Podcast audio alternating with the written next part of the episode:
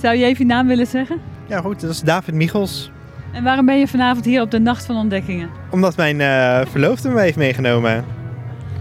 Was het een verrassing? Nee, dat was geen verrassing. We wisten al wel een poosje, hè, maar eh, het was haar idee. En eh, ze, had het hier, ze was al een keer bij een eerdere editie geweest en ze vond het heel erg leuk. Dus eh, ze zei dat we het samen moesten doen. En nu eh, net hier één dingetje gezien en ik vind het best wel leuk. Dus, eh, En is er dan iets waarvan je zegt, oh, maar dat wil ik heel graag zien? eh, nou, zij heeft vooral het programma gepland. maar we gaan eh, nu richting de Sterrenwacht. Dat is wel echt iets voor mij. En eh, dat is ook wel iets wat ik graag wil zien, ja, zeker. En wat heb je allemaal nog meer op de planning staan voor hem?